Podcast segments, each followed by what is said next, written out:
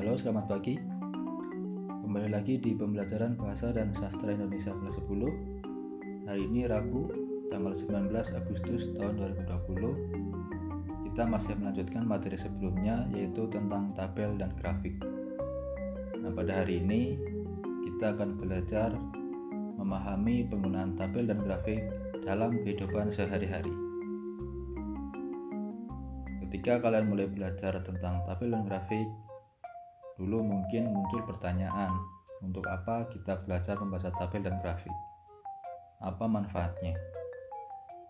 Nah, dari pertanyaan itu, jawabannya adalah memahami informasi tabel dan grafik sangat berguna dalam kehidupan sehari-hari. Nah, bergunanya bagaimana? Jadi, salah satu kelebihan tabel dan grafik adalah dapat digunakan untuk berbagai keperluan dan bidang kehidupan. Sebagai contoh misalnya di bidang pendidikan, kalian bisa lihat ada tabel daftar guru dan siswa yang ada di lingkungan sekolah. Kemudian ada juga tabel kepadatan penduduk. Ini ada di ilmu geografi atau bidang kependudukan.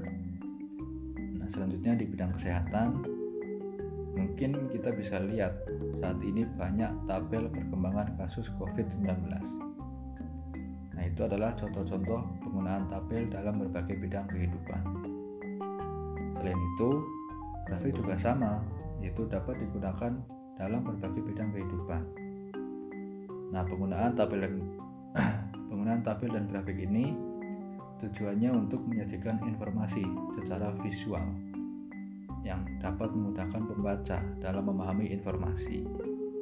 Selain itu, Tabel dan grafik juga bisa digunakan untuk presentasi, sehingga memudahkan seseorang dalam menjelaskan data. Dengan adanya tabel dan grafik yang bagus, yang menarik, dan sangat informatif, tentu hal itu tidak akan bermanfaat jika kita sebagai pembaca tidak punya kemampuan untuk memahami informasi yang ada di dalamnya. Nah, karena itulah Kemampuan membaca harus kita pelajari dengan sungguh-sungguh. Makanya, meskipun dalam suasana pandemi seperti saat ini, kita belajar dari rumah, tetap usahakan kalian untuk mengikuti pembelajaran sebaik-baiknya. Kalaupun tidak paham sama sekali dengan materi yang disampaikan, paling tidak kita tahu dulu materinya apa. Nah, nanti ketika ada waktu bertemu dengan Bapak Ibu gurunya, baru ditanyakan apa yang belum dipahami. Nah, mungkin hanya itu materi hari ini. Semoga bisa dipahami dengan baik. Kemudian untuk tugasnya ada dua. Yang pertama, silakan kalian sebutkan lagi contoh-contoh tabel dalam berbagai bidang kehidupan seperti yang sudah disebutkan tadi. Kemudian yang kedua, jelaskan mengapa kita harus mempelajari cara membaca tabel dan grafik.